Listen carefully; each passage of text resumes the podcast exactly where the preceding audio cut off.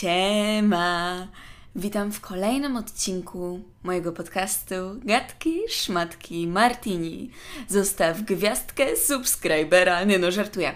E, moi drodzy, dzisiaj porozmawiamy sobie, jak w ogóle słyszycie ćwierkanie ptaków, to przepraszam, ale jest 23.26, strasznie mi gorąco, otworzyłam okno i ćwierkają ptaki. Tak, ta historia naprawdę poruszy wasze serce, ale wiecie co jeszcze dzisiaj poruszy wasze serce? Moi drodzy, fikcyjni krasze. Nie wiem, czy u was też to tak wyglądało, ale u mnie wyglądało to tak, że zanim zakochałam się w kimkolwiek, kiedykolwiek, to totalnie oddałam moje serce fikcyjnym postaciom. Yes, yes, yes, yes. I dzisiaj porozmawiamy o tym, jak te fikcyjne postacie kradną nasze serce i w ogóle jak te fikcyjne postacie przenoszą nasze wymagania co do chłopaka albo dziewczyny na inny level. Bo kto nie zakochał się w fikcyjnej postaci, na pewno nie będzie wiedział o co mi chodzi. Pomyśli, że jestem jakaś walnięta. Ale jeśli chociaż raz poczułeś uczucie do postaci z książki, filmu, to jesteś tu naprawdę mile widziany. Dzisiaj będziemy gadać o naszym schorzeniu, jakim jest zakochiwanie się w fikcji. Słuchajcie, ja miałam wiele fikcyjnych kraszy, ale dzisiaj wyróżnię trzech oponentów. I będą to tam, tam, tam, tam. Gilbert Blight, czyli totalnie znana osobowość. Jak mnie oglądacie od dawna, to wiecie, że mój syn będzie się nazywał Gilbert, koniec, kropka. Jakby Gilbert Blight, pierwszy. Drugi mój crush, Czarny Kot. Ikona i crush w ogóle mój chyba najdłużej? Nie, nie wiem czy najdłużej, ale na pewno bardzo, bardzo długo. Czarny Kot, 2016 rok, myślę, zaczęła się taka moja faza na niego i byłam bardzo zła. Boże, nie wiem, czy kojarzycie, jak swego czasu był taki trend na TikToku, że ludzie strasznie właśnie simpowali do Czarnego Kota i ja miałam takie, e, zostawcie mojego crusha, I'm jealous, jealous. Chciałam angielskim zabłysnąć, ale coś się nie udało, a właśnie w CV piszę na przykład, e, jak tam naszło mnie, że pójdę do roboty, a później stwierdziłam, że nie pójdę, mniejsza w to. Ale kiedyś w swoim CV napisałam, że mam bardzo e, wysoki poziom języka angielskiego. Tymczasem ja na podcaście Gels. E, no, wiecie, w każdym razie byłam zazdrosna tego czarnego kota. Nie pytajcie, nie pytajcie, tak, ja mam 19 lat. I trzeci crash taki chyba najmniej znany wam, mój, to był Mateo z Sojluny. Boże, jak ja simpowałam do Mateo z Sojluny, to niepojęte, naprawdę on, on totalnie był w moim sercu, jeszcze był taki, wiecie... No, hotuwa, hotuwa, do dziś mi się podoba. Ruggiero jest bardzo, bardzo przystojny. I tak, ja nie mam życia, wiecie o co chodzi. Ja byłam typowym dzieckiem Wattpada i i po prostu fikcji. Naprawdę ja uwielbiałam spędzać samemu czas i czytać, e, wymyślać, robić jakieś rzeczy. Ja w ogóle byłam mega kreatywna, chyba nawet jestem. Tak wyszło. No ale dobra. Zajmiemy się każdym z tych kraszy po kolei i Boże, mam nadzieję, że Wy też tak macie naprawdę, bo to, to nie wiem, ja się czuję jakbym e, spisywała jakieś notatki osoby nie do końca zrównoważonej bo wiecie, no raczej ludzie zakochują się, nie wiem, w jakimś bad boyu, ale w realnym życiu, a nie w postaciach fikcyjnych, ale e, trudno, mam to totalnie gdzieś. Co kto sobie pomyśli, jakby living my best life, bitches, yes, chociaż e, charakter fikcyjny cię nie skrzywdzi. No ale dobra, zaczynamy. Pierwszym crashem, którym się zajmiemy, będzie czarny kot. I dlaczego on? Bo on chyba był najbardziej intensywny. Waham się, waham się, który był intensywniejszy, który jest tak w zasadzie, czy Gilbert, czy Czarny Kot. Nie wiem, naprawdę nie wiem, to jest zbyt ciężka decyzja, ale pierwszy leci Czarny Kot. Y, słuchajcie, ja Miraculum oglądam naprawdę od początków i nie mówię tego teraz tutaj, żeby zabłysnąć i pokazać, jaka jestem niesamowita, ale naprawdę uwierzcie mi, ja jestem już mega długo fanką Miraculum i pamiętam to do dziś jak byłam młodsza, właśnie miałam 13 lat chyba, jak to wyszło, i oglądałam to na Disney Channel i Ogólnie pierwsze minuty moje to było takie, e, jakaś kolejna bajka. Jeszcze wtedy nie wiedziałam, jak ta bajka będzie powalona za kilka lat i jakie tam będą rzeczy się działy, bo naprawdę to jest ciężko komuś wytłumaczyć, kto nie ogląda Miraculum. Ja zawsze, moi znajomi mnie pytają, o, jak to mam oglądać, żeby mnie to zaciekawiło, bo zacząłem oglądać, ale to jest nudne. No tak, bo pierwszy sezon tej bajki jest naprawdę bardzo nudny, ale później tam się dzieje taki cyrk, naprawdę to jest ciężko komuś wytłumaczyć, kto tego nie ogląda, bo to jest już zbyt skomplikowane na tym etapie, ale każdy, kto ogląda Miraculum, zrozumie mój ból i zrozumie to, jak po prostu ciężko jest wytłumaczyć znajomym, o co w tym tak dokładnie chodzi. Ale słuchajcie, ja właśnie byłam fanką Miraculum naprawdę spory czas. Yy, w sensie jestem, ale chodzi mi o to, że od, od sporego czasu. O tak, tak to ujmę. Naprawdę długo. Wiem, że większość ludzi nabrała na to fazę gdzieś tak w 2019 roku, a u mnie to już trwa yy, potężną część życia, ponieważ już 6 lat. Uważam, że to jest strasznie dużo. Jak na życie kogoś, kto ma 19 lat, no to jest jedno trzecie mojego życia. Jedną trzecią mojego życia oglądam Miraculum. To jest. It's crazy. Crazy. Oglądałam sobie te Miraculum i stwierdziłam, mmm, coś mi nie pasuje. Ale wyskoczył ten czarny kot i Boże, uwierzcie mi, od pierwszego wejrzenia I'm totally in love. Jeszcze on w tym pierwszym sezonie nie jest jeszcze do końca takim sobą sobą, ale później, jak poznajecie jego charakter i te jego takie mm, maniery wraz, które rosną w ogóle wraz z kolejnym sezonem, naprawdę one są coraz mocniejsze. On jest takim gentlemanem, wow, naprawdę tak, ja wychwalam teraz postać z bajki, ale gdyby stanął taki chłopak w moim życiu przede mną, to bym poszła z nim do ołtarza. Przysięgam. Przysięgam, ale ja zawsze miałam do czynienia bardziej z tymi, nie wiem, złoczyńcami od władcy ciem, którzy mieli podły charakter, niż z takim czarnym kotem. Ale dobra, mniejsza tam w moje perypetie. Naprawdę, Czarny kot sprawił, że moje standardy są teraz na mega wysokim poziomie. On jest tak. To trzeba właśnie oglądać, by to zrozumieć, ale ja wam to wytłumaczę, jak tego nie oglądacie, tak na taki chłopski rozum. Czarny kot w ostatnim sezonie czwartym teraz gdy Biedronka dosłownie go olewała i totalnie nie chciała z nim współpracować. Naprawdę była dla niego straszną biczą. Była okropna, naprawdę. Kocham Cię, Biedronka, ale, ale byłaś okropna. Była totalnie min dla czarnego kota.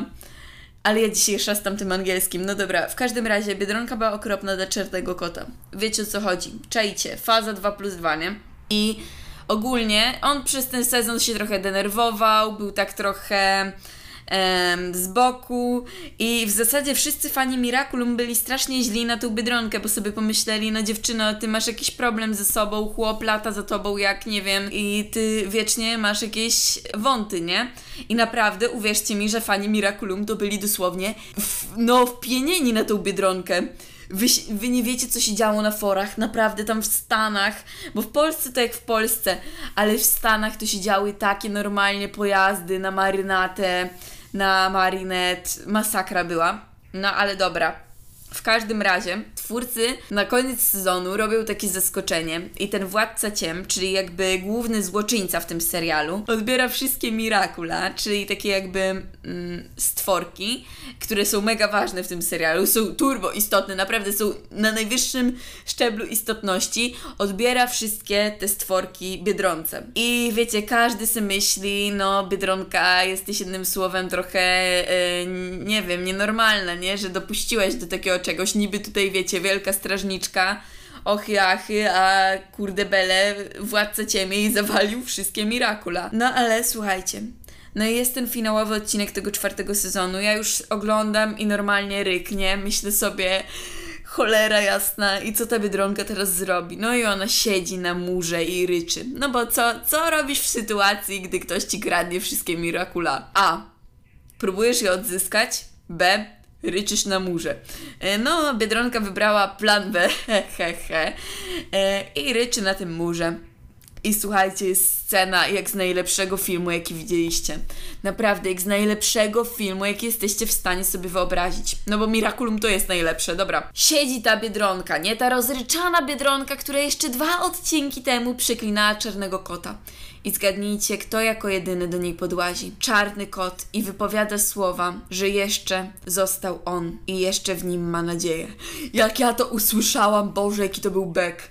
Moi drodzy, to był bek życia ja naprawdę, ja ryczałam. Ja miałam takie, ja chcę czarnego kota. Ja nie wiem, jak to zrobisz, Panie Boże, ale proszę, ześlij mi mojego czatnoir. mojego czarnego kota, naprawdę. No czajcie to, ktoś was wystawił, miał was totalnie w dupie i nie wiem, jakby wolał każdego innego od was. Jeszcze raz was w ogóle chciał wymienić, bo jest taki odcinek w czwartym sezonie, gdzie Biedronka postanawia, że czarny kot z charakteru jej nie pasuje i w sumie Elo mogliby zrobić wymiankę, nie? Na kogoś innego i on się dla niej zmienia. Naprawdę, ona była okropna w tym czwartym sezonie, a on pod koniec przychodzi do niej i nadal jest wierny i nadal ją kocha. No Boże drogi, jaki on jest dobry, jaki on jest jak on mógłby nie być moim crushem? No jak? No sorry, ale po prostu jak on nie jest waszym crushem, to jest jakiś problem. Mam nadzieję, że jak nie oglądaliście Miraculum, to teraz was zachęciłam. No wyobraźcie sobie, to jest finał. Jesteście zrujnowani. Po prostu finito. Ktoś wam zawalił wszystkie rzeczy. Wasze najcenniejsze rzeczy, jakie macie w życiu. I przychodzi jakiś chłop i mówi, że on z wami będzie i że odzyskacie te rzeczy. No, wow moje serce by skradł. W ogóle fani się odpalili po tym finale, bo to był taki szok mnie totalnie, bo wiecie jak to jest w bajkach. Właśnie w Miraculum to jest fajne, że ta bajka nie jest do końca taką bajką. Bo w bajkach normalnie zawsze wszystko kończy się happy endem, ojejcie, cudowna biedronka, e, zawsze wygrywa. A tutaj twórcy nas zostawili z ręką w nocniku. Wiecie o co chodzi? Biedra nie ma nic, ma tylko tego kota. Wow, to było fajne zagranie z ich strony. Podsumowując, czarny kot jego cechy. Dlaczego zakochałam się w fikcyjnym czarnym kocie? Po pierwsze, mega wierny chłop. Po drugie, uratuje cię w ciężkiej sytuacji. Po trzecie, jego żarty. Boże, jakie on ma poczucie humoru, naprawdę. Moi drodzy, Czarny Kot to jest mistrz e, karnawału i sucharu. E, podsumowując, I'm not into blondes, ale I'm into Czarny Kot. Naprawdę kocham Czarnego Kota. Autentycznie, gdyby on mógł, nie wiem, wyjść z ekranu i być moim mężem, to już bym była mężatką.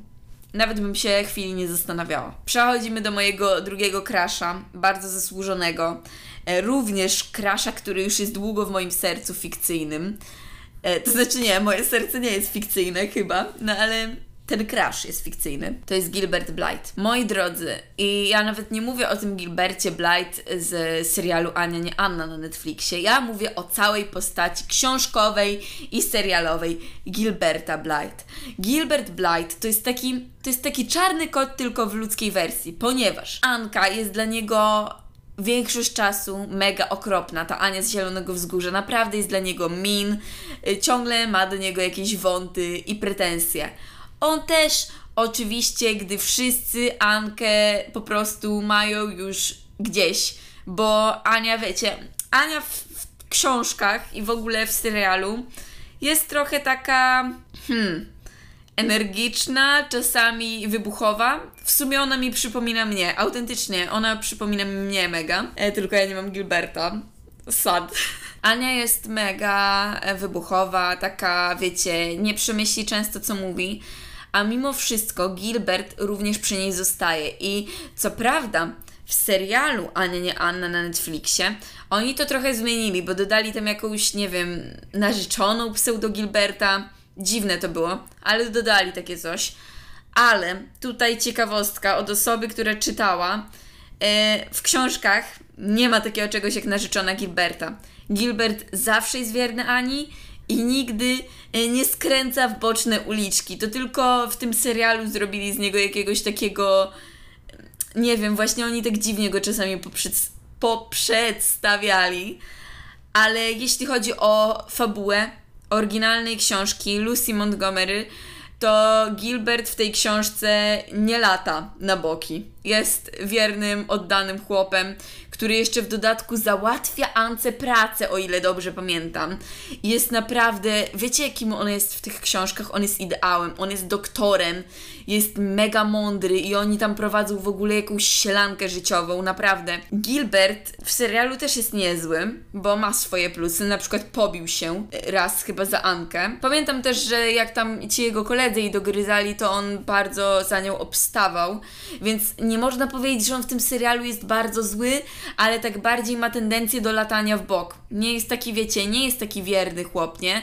Bo okej, okay, finalnie on wraca do tej Anki, ale jakby hello, hello, musiał skręcić w boczną uliczkę, to już nie jest taki, wiecie, wierny Alvaro, chociaż e, wracając do Czarnego Kota, to on też miał jakieś swoje epizody, ale on to w ogóle, kurde mole, tam wiecie, no nie ma ideałów, nie? Ale, ale, ale Imo, Imo, e, Gilbert w książce jest dużo fajniejszy niż Gilbert w serialu, ale Gilbert w serialu, żeby nie było, e, jest niczego sobie z wyglądu. No, to tutaj możemy e, powiedzieć, tak, że naprawdę przystojnego chłopaka dobrali. Bardzo dobrze, bardzo dobrze. Myślę, że to też oglądalność zrobiło mega tego serialu. No ale dobra, o Gilbercie pogadali, pogadali. No i teraz ten trzeci. E, o nim chyba powiem najmniej, bo w sumie on był takim, był mega intensywny, ale w porównaniu do tej poprzedniej dwójki, no to, to, to, to, to, to nie ten level. Wiecie o co chodzi, to, to nie ten level. Moi drodzy, Mateo z Sojluny. Mateo to, on jest taki trochę, wiecie o co chodzi, fuck boy? Sama nie wiem, jak to nazwać. Boże, czy ja nazwałam właśnie postać z serialu dla dzieci, który leci na Disney Channel fuckboyem. Chyba tak, ale dobra, pasuje mi to, bo Mateo był niegrzeczny. Właśnie to był ten sęk, że wiecie, on był takim królem wrotek i co to nie on. On miał swoje odpały.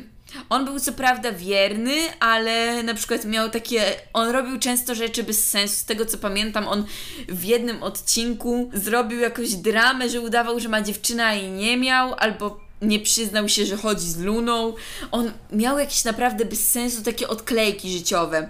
Wiecie o co chodzi, że niby chłop był w porządku, jego intencje były całkiem spoko, ale w sumie to oni z tą Luną byli tak dla siebie toksyczni, że naprawdę ja nie wiem, jakim cudem oni finalnie, spoiler, kończą razem. Ale Soyluna, moim zdaniem, jest w ogóle dużo ciekawsza względem fabuły od Violetty, bo tam też są, tam też są dramy, Boże. Ale jeśli chodzi o Mateo, czym on. To jest chyba taki pierwszy bad boy, który trafił w moje serce. Naprawdę, tak mi się wydaje, że od niego się zaczęła ta faza bo on był taki. Pamiętam, że on miał image w tym serialu króla wrotek strasznie, takiego króla najlepszego. A wiecie, ja lubię być najlepsza we wszystkim, więc automatycznie jakoś tak przyciągała mnie jego energia bycia najlepszym. I był też przystojny, był wysoki, miał loki, Boże, no on to już był taki naprawdę my type. Ja też w Lunie trochę widziałam siebie, Boże, o czym ja opowiadam na tym podcaście? Mi się tak chce z siebie śmiać, naprawdę, to, to są takie wstydliwe rzeczy, ale pośmiejmy się. E, wiecie, dlaczego ja widziałam w Lunie siebie?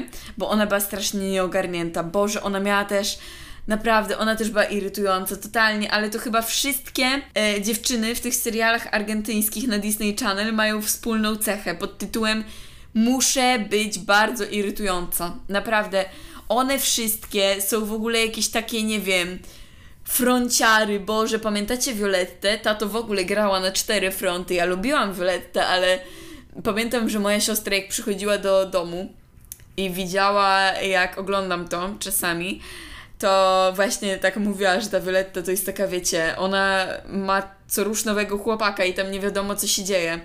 Więc kurde mole, jak my się tutaj mamy uczyć dobrych y, wartości, jak od samego początku jesteśmy uczeni od Violetty Fronciary, tak?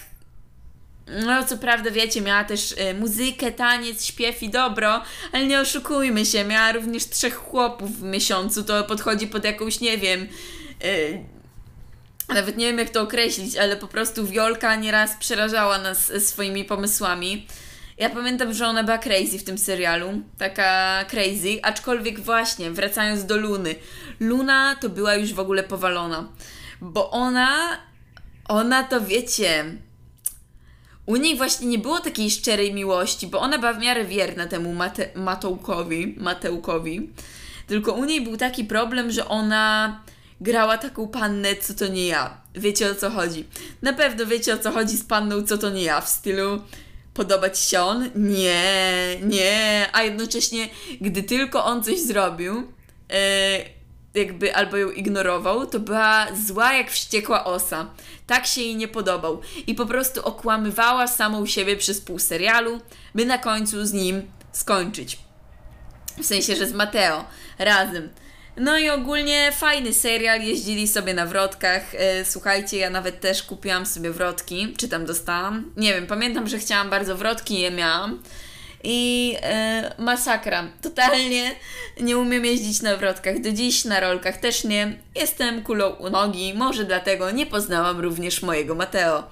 Chociaż w sumie Gilberta też nie poznałam, a nie było żadnych przeciwności, ponieważ chodziłam do szkoły. Nie wiem właśnie jak to jest, jak to jest, że jakaś ruda Anka chodziła, w sensie nie, żebym miała coś do rudych, ale wiecie, śmiejemy się. Pamiętajcie, że to tylko żarty. Ale jak to jest, że ta Anka chodziła do szkoły na jakimś zadupiu totalnym. Chodziło tam, nie wiem, 15 osób i ona znalazła ideała życiowego, a ja chodziłam do szkół, w których było po 300 osób, po 900 osób, nie wiem, no do dużych szkół w każdym razie. I nigdy nikogo nie znalazłam. Nigdy, ze szkoły nigdy mnie nikt tam nie interesował, naprawdę. Jakoś ludzie w szkole nigdy nie robili na mnie wrażenia. Nie wiem, jak to działa, moi drodzy. Możecie się podzielić waszymi fikcyjnymi crashami na moim profilu na Instagramie. Martyna przyzwała ty. Ja naprawdę wyczerpała mnie ta rozmowa z wami. I też oczywiście skrinżowała, bo po prostu postawiłam samą siebie w takim świetle wstydu, że chyba dawno siebie nie postawiłam w takim. No cóż, mam nadzieję, że wam się podobało. Miłego dzionka i pamiętajcie, że jesteście super. Nara!